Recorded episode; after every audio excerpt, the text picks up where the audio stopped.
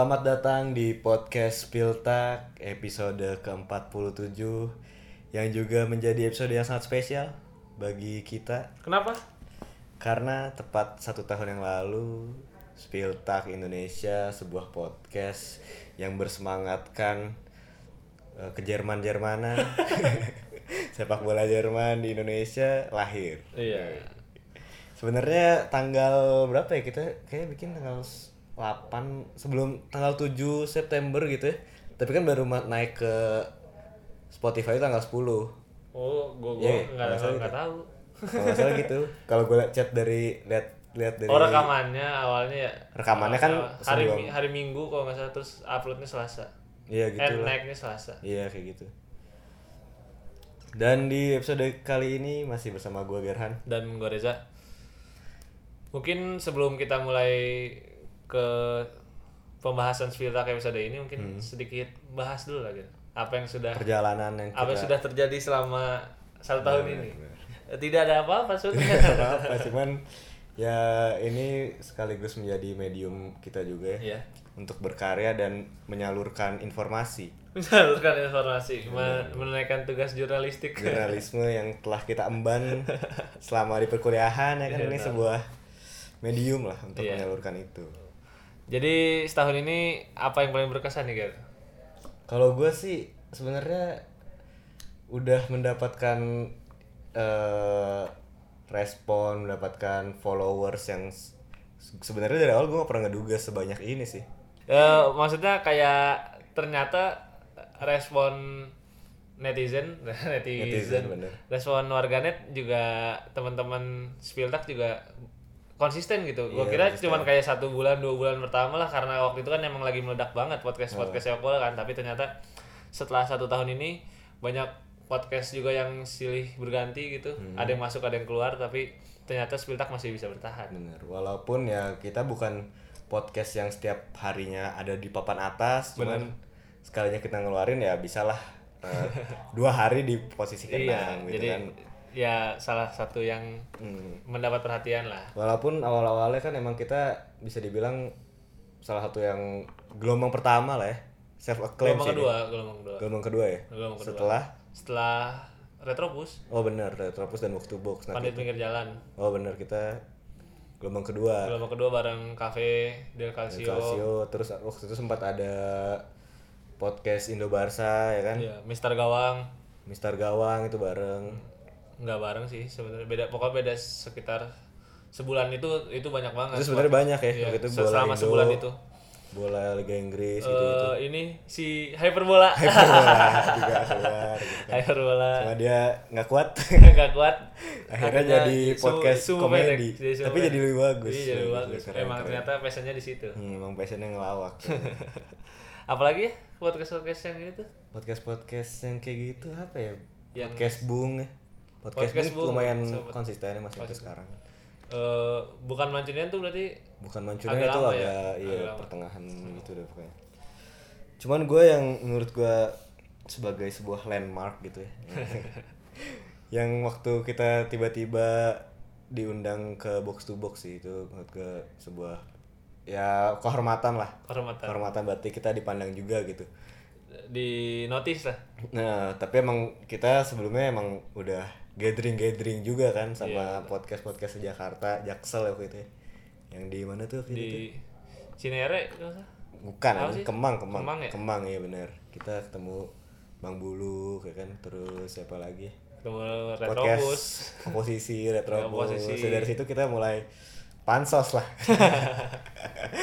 ya Hasilnya di situ mulai lumayan. mengetahui lah dunia podcast kayak gimana Hmm. sekarang terus yang juga lumayan berkesan ketika ini diundang sama FCBFI oh benar itu. diundang sama FCBFI buat datang nobar Munchen Dortmund ya? Munchen, Munchen Dortmund, Dortmund. dan dan dan waktu itu keadaannya lagi partai penentuan buat juara juga kan jadi dan- emang lagi rame gitu Dan buktinya, eh buktinya.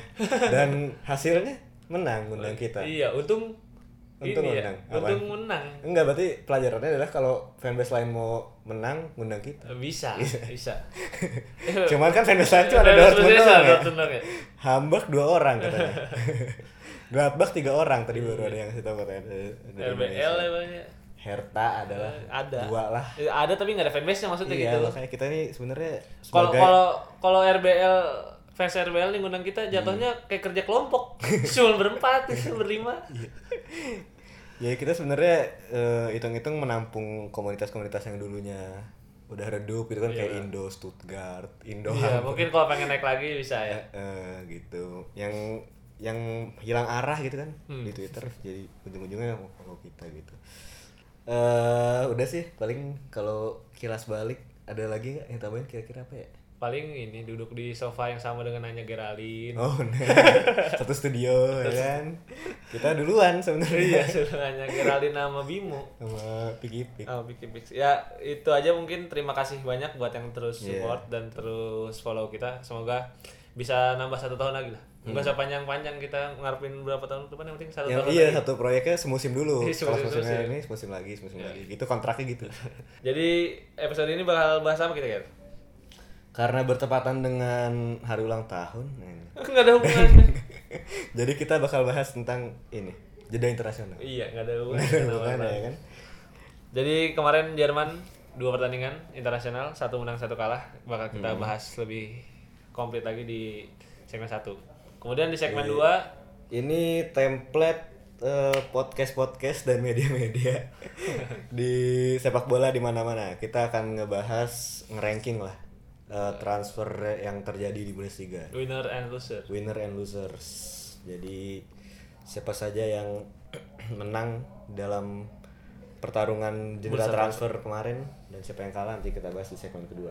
Dan karena minggu ini jeda internasional Hmm. kurang rame, maka kita cuma dua segmen. Iya. karena bahan bahan bahasan Bahannya dikit. dikit. Tadi juga udah ngobrol-ngobrol 5 menit nggak apa lah. Iya. Kilas balik ya kan siapa tahu ingin kenal lebih dekat gitu kan. Nggak ada sih. follower follower baru kan biasanya suka banyak tuh yang bahas ini dong, bahas ini dong padahal udah pernah. Ada yang tiba-tiba fix fans Dortmund artinya. Iya. Kan kan dari awal udah dijelasin Iya. kita fans fans ini Hendrik Veidang. Iya. Episode 1 bahas Hendrik Veidang. Eh, cacat sekarang. Ngapa-ngapain. Mungkin langsung aja bahas ke pembahasan. Jerman kemarin kalah 2-4 di pertandingan kualifikasi kelima Iya. di buat buat ini Euro Euro 2020. Euro 2020 ya. Iya. Eh Jerman ngegolin duluan lewat Sergei Gnabry terus dibalas sama Frank De Jong, terus Jonathan Tah bunuh diri. Bunuh diri. Jerman sempat nyamain lagi lewat Penalti penalti yang yang yang aneh. Handsball. Iya, handsball yang aneh dari Matis Delik. Terus Toni Kroos cetak gol lewat penalti dua sama.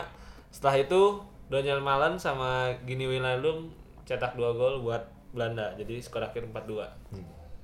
Yang menarik dari pertandingan ini Jerman kembali mencoba seperti pertemuan pertama dengan Belanda di kandang Belanda mencoba bermain dengan 3 4 3 nih bisa 3 4 3 atau 3 4 1 2 atau 3 4 2 1 karena yang di depannya fluid lah. Eh cuman ternyata yang terjadi kebalikannya Ger. Ternyata udah diantisipasi sama Belanda di pertandingan kali ini. Yang cukup membuat perdebatan di pertandingan ini sebenarnya ada dua sih. Hmm. Yang pertama si Joshua Kimmich yang tetap dimainin di tengah. Yang kedua Marco Reus yang dimainin di pinggir. Jadi ini yang cukup menyita perhatian gitu. Kalau menurut lu nih, emang emang ini selalu ada sih perdebatan si Joshua Kimmich sih. Menurut menurut lu emang karena kebutuhan Jerman yang gak punya gelandang bertahan atau karena karena ini karena Klosterman juga jago banget gitu. Kayaknya emang si Kimis ini di mata Joachim Low dia adalah gelandang bertahan sih kayaknya.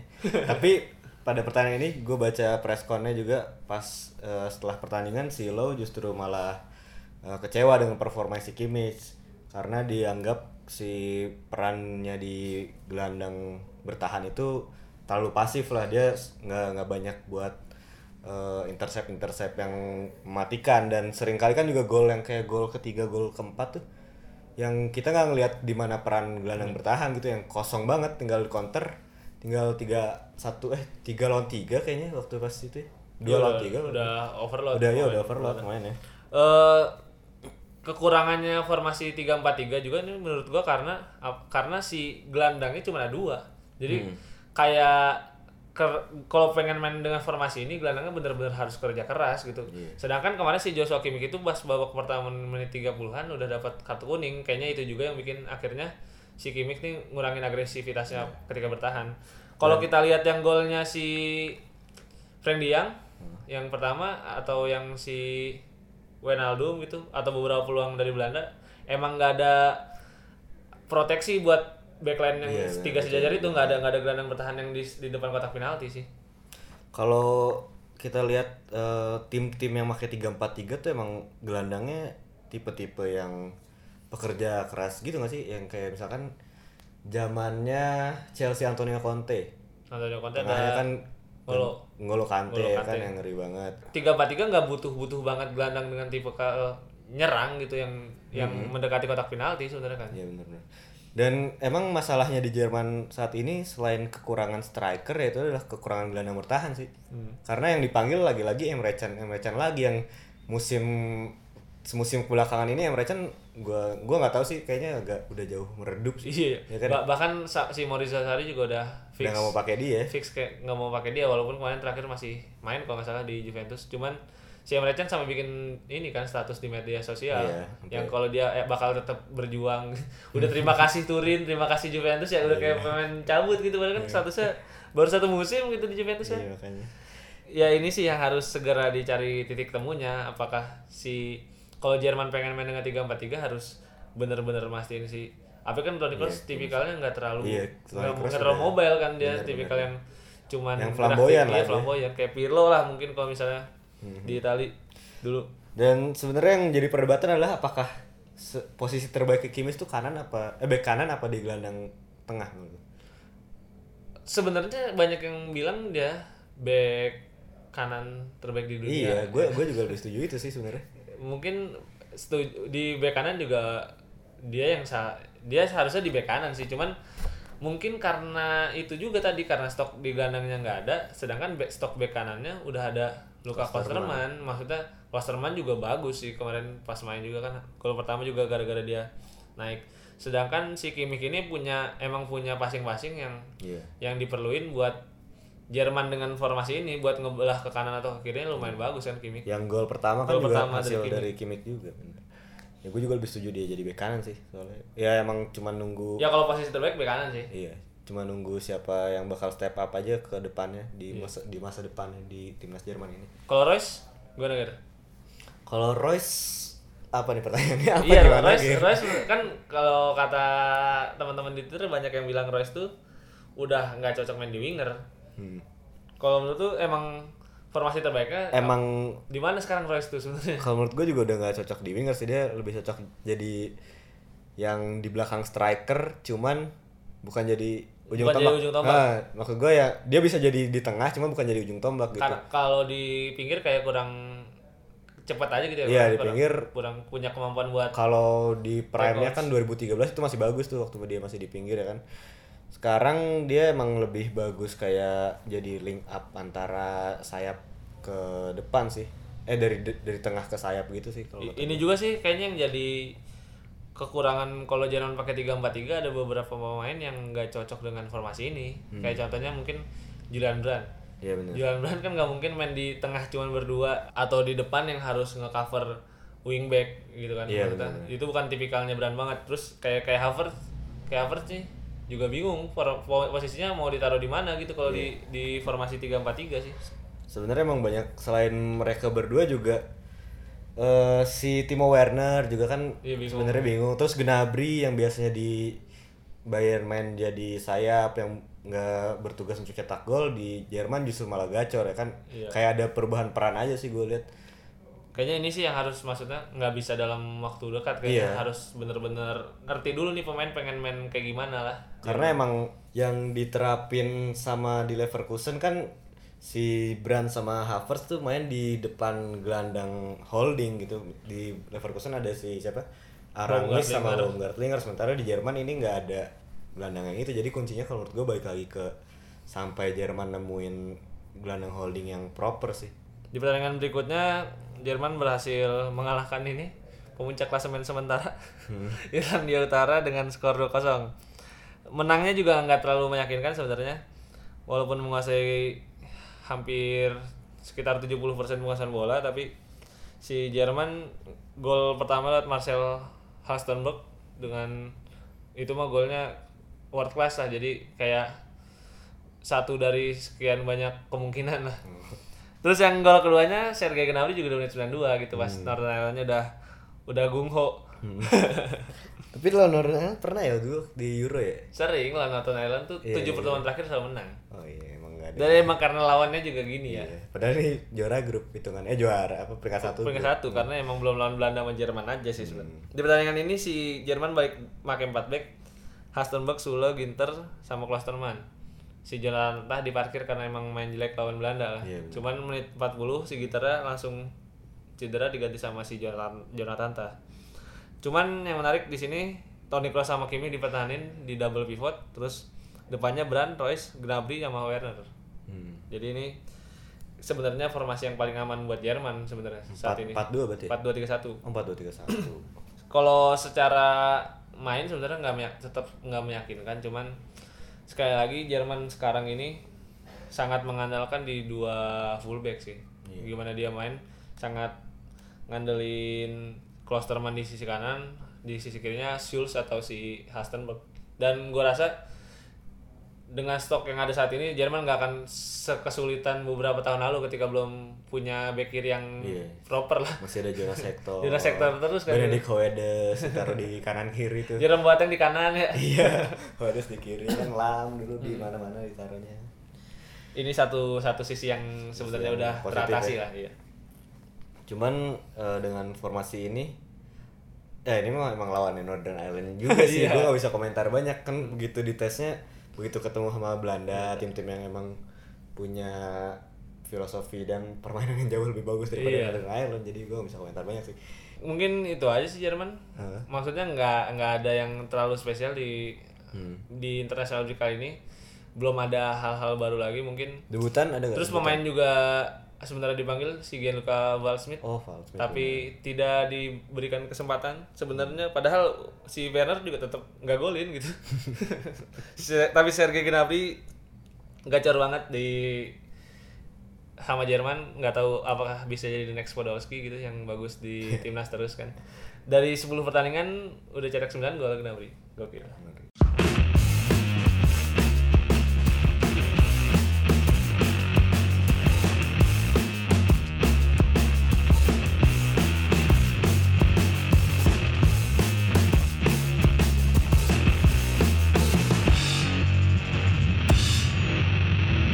Bursa transfer musim panas telah usai tapi pembahasannya belum juga beres nih. Jadi masih banyak yang membahas eh, apakah pembeliannya udah berhasil, pembeliannya apakah akan gagal. Eh, khususnya ini fans Bayern. Iya. Fans Bayern masih rame bahas si Brazil. Iya benar. Sebenarnya masih bahkan eh, bursa tutup, bursa transfer udah tutup masih bahas kemungkinan sign Sane di Iya, musim, musim, musim depan transfer berikutnya. atau udah ada bahasan Kai Havertz Timo ya kan? Timo Werner. Timo Werner Iya. banyak banget ya. Dan Brazil juga emang lagi-lagi lagi di eh, disorotin sih Benar. kinerjanya katanya nggak bener banyak kar- karena katanya rumor-rumornya juga banyak yang pembeliannya itu hasil dari lobby-lobbyan si Rummenigge Iya ya kayak kan? si Coutinho ya Kayak si karena Coutinho. karena hubungan dengan klub lain lebih baik aja dengan Iya. hubungan dengan Barca setelah penjualan Dembele mungkin kan. Kalau si Perisic kayaknya hubungan Niko Kovac deh kayaknya. Gak tau sih gue. Tapi dengan Inter katanya juga Rumah bagus Niga sih. juga ya kalau nggak Iya. salah yang ini ngehubungin juga. Jadi Brazil nih gabut. Begitu. Jadi nggak semuanya bisa jadi pemenang di bursa transfer ya. Iya. Mungkin ada beberapa klub yang bertambah baik dengan transfer atau justru malah jadi tambah carut marut Iya, setelah bursa transfer kali ini. Ketika tim membeli banyak pemain belum tentu akan jadi tambah baik sih timnya. Jadi harus tergantung kualitas pemain sama pemain yang perginya juga sih Iya sebenarnya. benar setuju gue. Eh, mungkin langsung masuk aja nih. Hmm. Kalau menurut gua yang paling baik dan paling menjadi pemenang eh, di bursa transfer musim panas ini RB Leipzig. Alasannya kenapa? Pertama karena di bursa transfer kali ini dia dapat pelatih muda terbaik di Jerman saat ini. Dan pembeliannya lumayan inilah lumayan punya nama dan udah terbukti gitu. Yang pertama datengin Ademola Lukman yang udah pernah di RBL juga sebelumnya walaupun pinjaman. Terus ada Christopher Nkunku dari Paris Saint Germain terus ada Hannes Wolf dari RB, RB Salzburg walaupun mungkin nggak akan bisa dipakai musim ini lah karena cederanya parah banget Iya. kakinya sampai bengkok ya Oh iya. Heeh. Terus ada Candido dari Palmeiras B, Ethan Ampadu dari Chelsea pinjaman, sama Patrick Schick dari AS Roma pinjaman. Sedangkan yang perginya pemain-pemain yang emang udah nggak akan kepake sih dari musim lalu juga. Bruma ke PSV, si Jen Kevin Augustan ke Monaco pinjaman. Jadi menurut gua eh, mereka punya squad yang sangat mewah sih saat ini. Benar. Mungkin yang bisa nandingin cuman Dortmund sama Bayern Iya, Munchen. iya, benar. Karena ketika lu buntu gitu Werner sama Paulsen bisa masukin Patrick Schick. Iya, dan dan yang disorotin musim ini juga dari Nagelsmann adalah kecepatan transisi dari bertahan ke menyerang sih.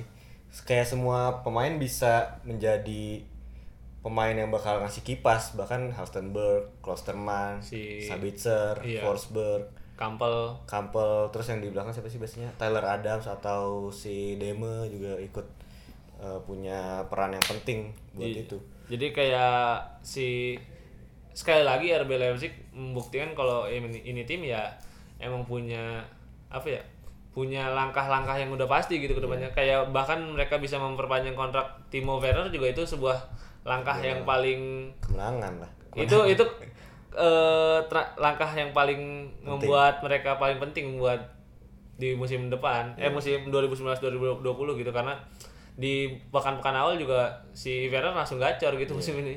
Seenggaknya walaupun di musim depan atau dua musim lagi ada yang datang untuk mau nawar Timo Werner nggak akan dijual nggak akan dilepas gratis kayak sebelumnya kan. bener. Heeh. karena sekarang udah ada rilis clause dari rilis kelas berapa ya? 30 35 gitu Murah Cuma sih. murah sebenarnya murah murah.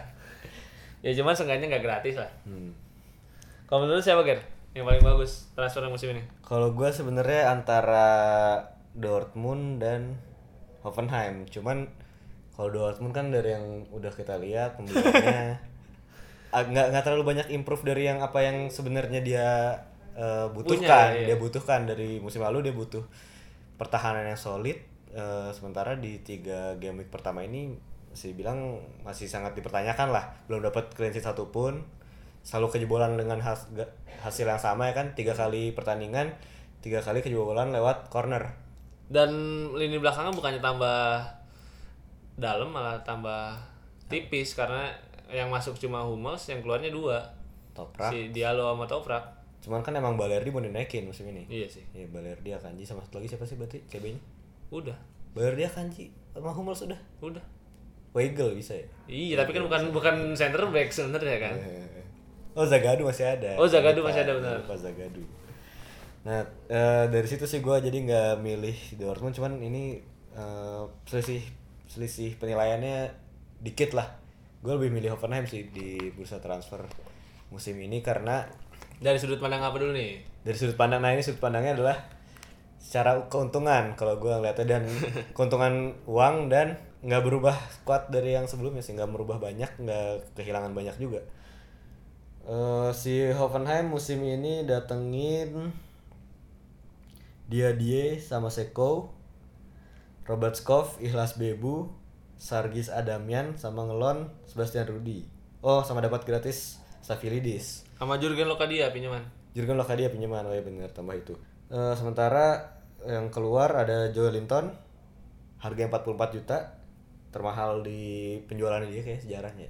iya sih Bahkan Firmino cuma 38 juta ya. Eh, Iya. 2, 28 belum? nggak nggak nyampe 40 pokoknya Iya, itu rekor buat Newcastle, rekor buat Hoffenheim juga.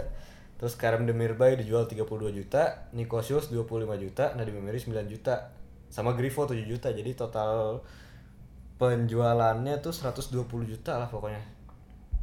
Eh, sementara beli cuman 33. Income-nya jadi berapa nih? 86 juta Iya, ini ya. ngeri ya. Ini ngeri. Cuman sayangnya nggak dimanfaatin dengan baik sih kalau menurut gue eh, bisa beli satu pemain lagi lah untuk memperdalam squad walaupun emang squadnya ini udah ter Emang banyak sih terbilang udah lumayan gemuk di setiap posisi itu ada pelapis yang sepadan lah Cuman gua ngelihat di sini ini sih maksudnya boardnya pinter sih. Iya. Maksudnya kayak Nico Schulz ya kita lihat di Dortmund dengan sistem yang berbeda juga sejauh ini belum bisa berbicara banyak lah. Hmm. Sedangkan penggantinya si staff Lidis nih lumayan gitu dari di di, di pekan-pekan awal kan. Hmm. Terus kayak contohnya si Demirbay gitu. Demirbay walaupun emang salah satu sosok kunci di Hoffenheim musim lalu, cuman kan sekitar satu per tiga laga musim lalu nggak main si Demirbay sebenarnya. Iya. Jadi emang sebenarnya udah ada penggantinya gitu dari squad yang sekarang ada si Grealish, Grealish, terus ada Geiger yang balik Geiger. dari cedera juga. yang kalau kata fans Liverpool ini seperti pembelian baru karena kembali dari cedera ya kan kayak Adam Lallana Kayak. Sturridge setiap tahun. Adam Lallana ya Sturridge setiap tahun bener Terus mereka datangin kuncinya ngedatangin dia dia sama Seko ini Iya. mungkin salah satu pemain yang bakal bisa dijual lebih mahal lagi di beberapa musim ke depan. walaupun datangnya masih cedera ya Hmm. sekarang Mungkin yang akan jadi perdebatan sih di lini depan. Hmm. Ketika dia ngelepas Joe Linton sama Adam Zalai, Hmm. mereka sekarang hampir kekurangan stok penyerang murni lah. Ya, betul. Jadi tipe-tipe entah ini sebuah permintaan dari si Alfred Schroedernya atau emang mereka nggak dapat aja pe- penyerang yang pas karena sekarang penyerangnya si Bebo kadang di depan, Robert Skov juga kadang di depan.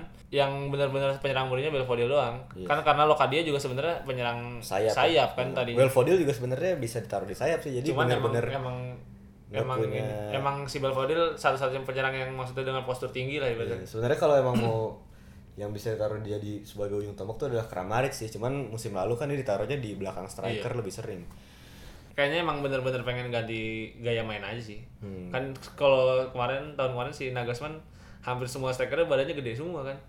Belfodil Iya kayak Jolinton, Belfodil gede juga tapi tetap bisa dribble Iya, gitu. Iya benar-benar. Tapi Alfred Schroeder sebenarnya nggak nggak nggak merubah banyak sih kayak cuman paling ngebedain di lini depan doang Iya. kayak ngubah lini depan soalnya di belakang tetap tiga back tetap ngandelin wingback wingback di sayap kayak musim ini juga udah si Kaderabek terus Stafilidis juga Udah lumayan produktif udah bagus, ya. produktif. Kaderabek udah golin satu. Tuh, ya jadi itu sih menurut gua gara-gara eh, pemainnya juga banyak yang di retain ya kan? Eh nggak banyak sih sebenarnya banyak pemain kunci yang dijual walaupun eh, udah udah disiapin penggantinya semuanya dari musim lalu jadi nggak begitu terlalu kehilangan lah. Se- secara dengan mengantungi keuntungan 82 juta tapi squadnya mungkin hampir tidak tidak berubah kekuatannya ini sebuah kemenangan Iya, cuma tinggal tersendiri atik dikit di depan doang sih gua ya, jadi. Berikutnya kita beralih ke tim yang losers. Hmm. Ini tim-tim yang tidak menggunakan uang dengan bijak. yang tidak menggunakan jeda jeda transfer sepanjang itu Ini- dengan sangat tidak efektif. Iya bener. ini biasanya orang-orang yang orang kaya baru Kayak jadi dia belum biasa dapat duit banyak ya kan? Ini kayak anak SMP baru masuk dikasih uang bulanan. Jangan ke- anak SMP nggak pernah nggak akan bulanan ya? Anak mingguan. SM, anak, anak SMP SMA dikasih malah. mingguan ya Iya. kan anak SMA bulanan. Nah Iya. itu biasanya baru tanggal 10 udah habis. habis ya kan? Subsidi subsidi. Ba- baru tanggal 3, tanggal 5 udah ini belanja online terus. iya. Sebenarnya gak cuma anak SMA sih anak kuliahan juga masih Iya banyak yang kayak gitu ya kan? Makanya banyak Makanya banyak beredar meme-meme itu. apa Yang akhir bulan akhir bulan. iya, min- minum milanta ya kan? Iya. itu basi udah gak ada lucu-lucunya Siapa dulu nih? Mau lu dulu? Lu dulu aja Kalau gua yang bener-bener kehilangan banyak di ini literally kehilangan banyak gitu ya. Iya, di bursa transfer kali ini menurut gue yang rugi Eintracht Frankfurt. hmm. Eintracht Frankfurt mungkin dibacain dulu kali ya. Iya. In and out.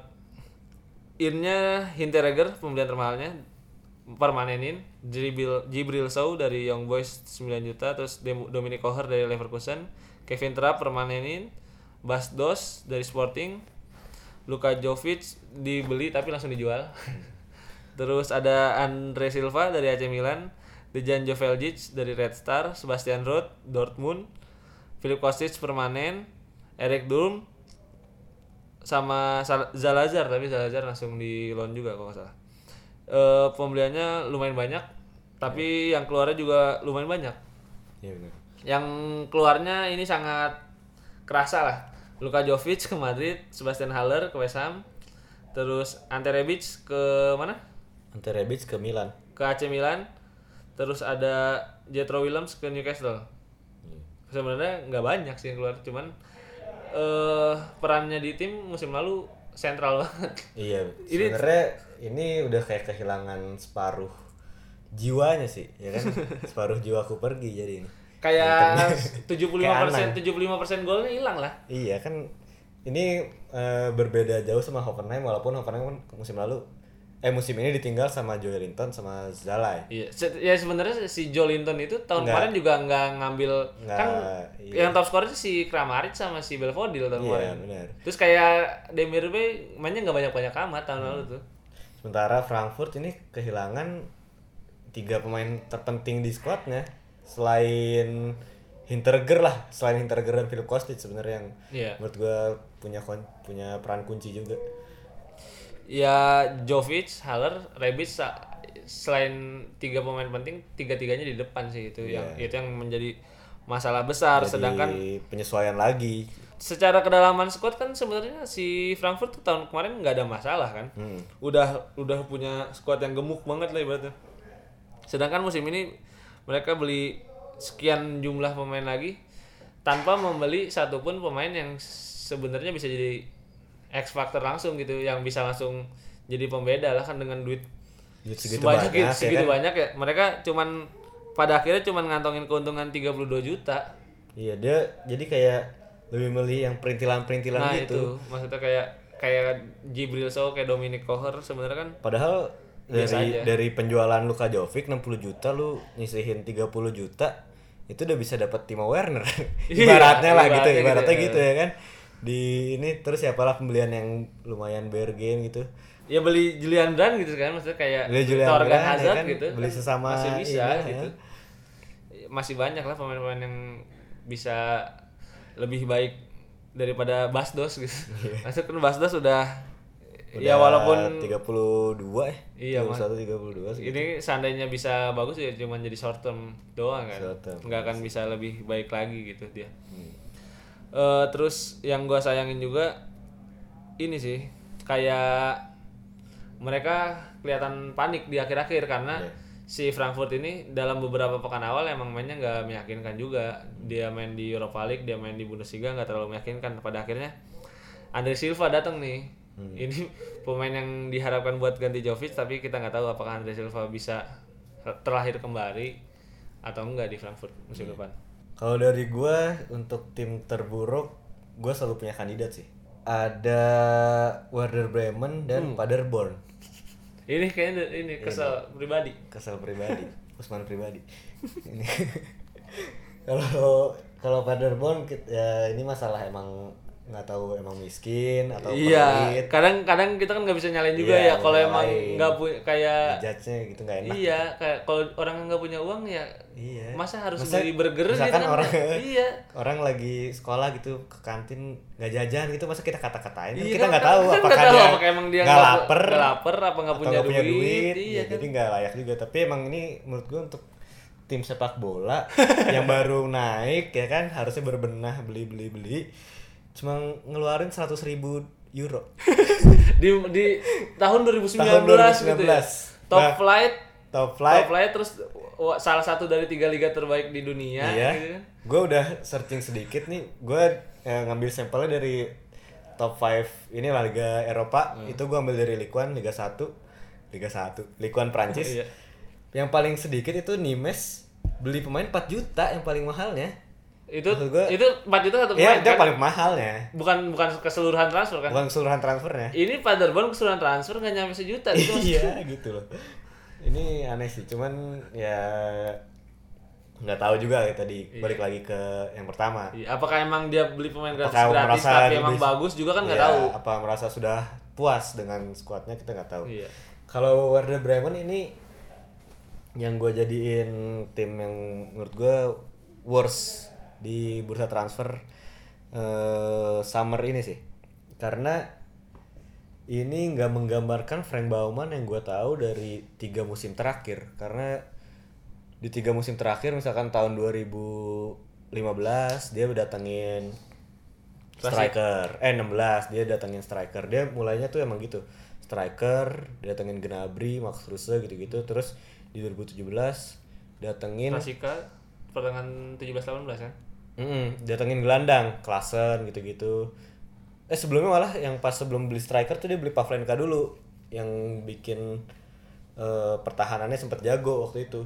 Nah di musim ini harusnya dengan udah komplit bisa dibilang setengah komplit lah. Iya. Yang bobroknya tinggal di belakang nih. Harusnya kan eh, memperkuat lini belakang. Ternyata datenginnya si Omar Toprak yang cuman berapa sih di di loan dengan opsi Tubaya 2 juta kalau salah nggak ternyata nggak berpengaruh apa apa dan yang gue kecewa adalah si Werder Bremen ini awal-awal udah terpa cedera dan pemainnya sangat lapisinya dikit, Dikit banget. dia musim ini ini gue bacain pembeliannya dulu ya.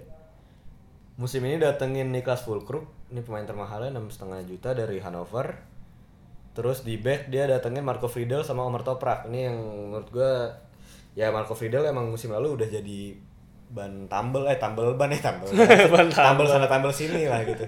Jadi tambah ban kasihan dong. Tambel sana tambel sini. Misalkan back kiri cedera dia back main di Iya, back kiri back kanan cedera main di main di kanan. Sekarang jadi center back nih.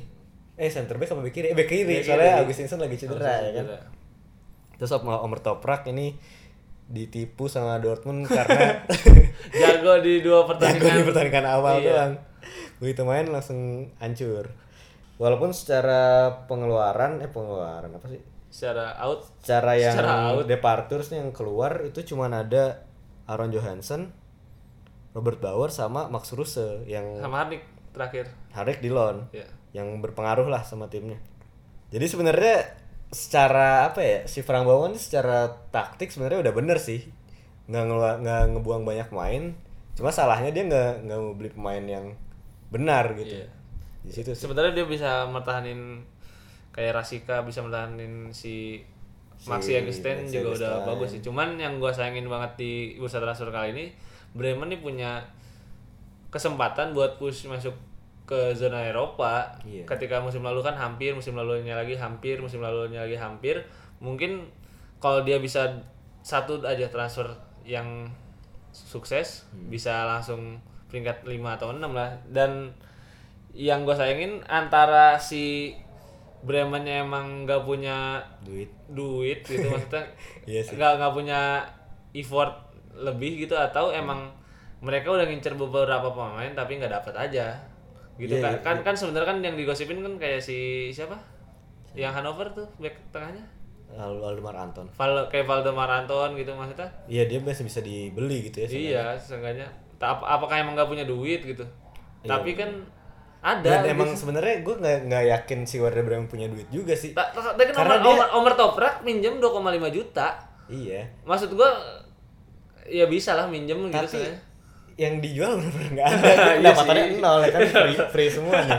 Bauer, Johansson sama Max Kruse tuh apa gara-gara itu juga gitu ya Iya. kan nggak tahu sih pengeluaran 13 juta jadi kayaknya emang empot empot empotan nih nggak ada nggak ada yang bisa dijual juga kan musim ini Iya, siapa yang mau dijual Rasika nggak mungkin dia baru musim lalu jadi pemain kunci squadnya cuma segitu sebenarnya Bremen kan. Kuatnya cuma segitu sih ini masalah sih ya mungkin kita lihat aja sih si ya Si gua gua maksudnya kayak lang ngapain datengin lang Ngapain gitu. gitu ya? mending maksudnya kalau pinjam ya sekalian pemain Mending Bejmo muda nggak usah di-loan gitu iya ya. Bejmo nggak usah ini di loan sebagai atau kayak back tengah masih bisa ngelon Augsburg aja bisa ngelon Udokai sama Tinjet Iya. gitu Hmm. back tengah yang berbakat gitu dua-duanya Ini sebagai informasi aja, jadi Werder Bremen musim ini tuh udah kayak Chelsea musim sebelum-sebelumnya. kenapa Ngelonnya banyak banget, ngelon out tuh. Ada Ole Kauper, Martin Harnik, Niklas Schmidt, Michael Zetterer, Tore Jacobsen, John Bute, Felix Bejmo, James Vollert, Janiklas Beste, Jan Jan Manuel Embom, Boba Karbari, aduh yang capek. ini ini kayaknya si yang denger juga cuma Siapa tahu gitu ya? tiga pemain lah iya, paling tahunya siapa? Martin Harnik doang Iya. malah. jadi itu sedikit keresahan Gerhan terhadap Bremen musim ini Jadi kayaknya langsung udahlah nggak usah berharap di musim ini bisa masuk full besar udah oke lah menurut gue. Iya karena karena eh di awal musim Bremen ketika dapat jadwal yang bagus gue udah kayak anjing bisa Wah, lah nih bener ini lawan Augsburg kayak kemarin kan udah sampai titik darah penghabisan itu. main dengan 10 pemain Gila. selama sekitar 50 menit padahal Augsburg Backnya anjir itu kayak back Liga 1 back pada Lampung lah. Gitu tuh mainnya tuh. Eh, itu udah ya udahlah Bremen musim ini parah. Nggak nggak bisa banget diharapkan cuman eh, posisi positifnya ya di lini depan nggak nggak menurun sih untuk Iya. Jadi itu dia pemenang dan pecundang. Hmm. Di bursa transfer musim panas kali ini menurut kita. Kalau kalian punya pendapat sendiri ya silakan. Itu kan pendapat kita gitu. Hmm, mungkin kalau menurut mungkin menurut Dortmund kalian ya. yang menang Dortmund atau yang kalah Bayern gitu kan bisa aja. bisa sih Iya. Bayern sebenarnya punya potensi untuk kalah karena nggak bisa Iya. datengin Sane Iya. sekian di episode ke 47 ini ya. terima kasih buat yang udah ngucapin selamat ulang tahun kepada kita Ya. gua Gerhan cabut Gua Reza cabut. Sampai jumpa di episode ke-48.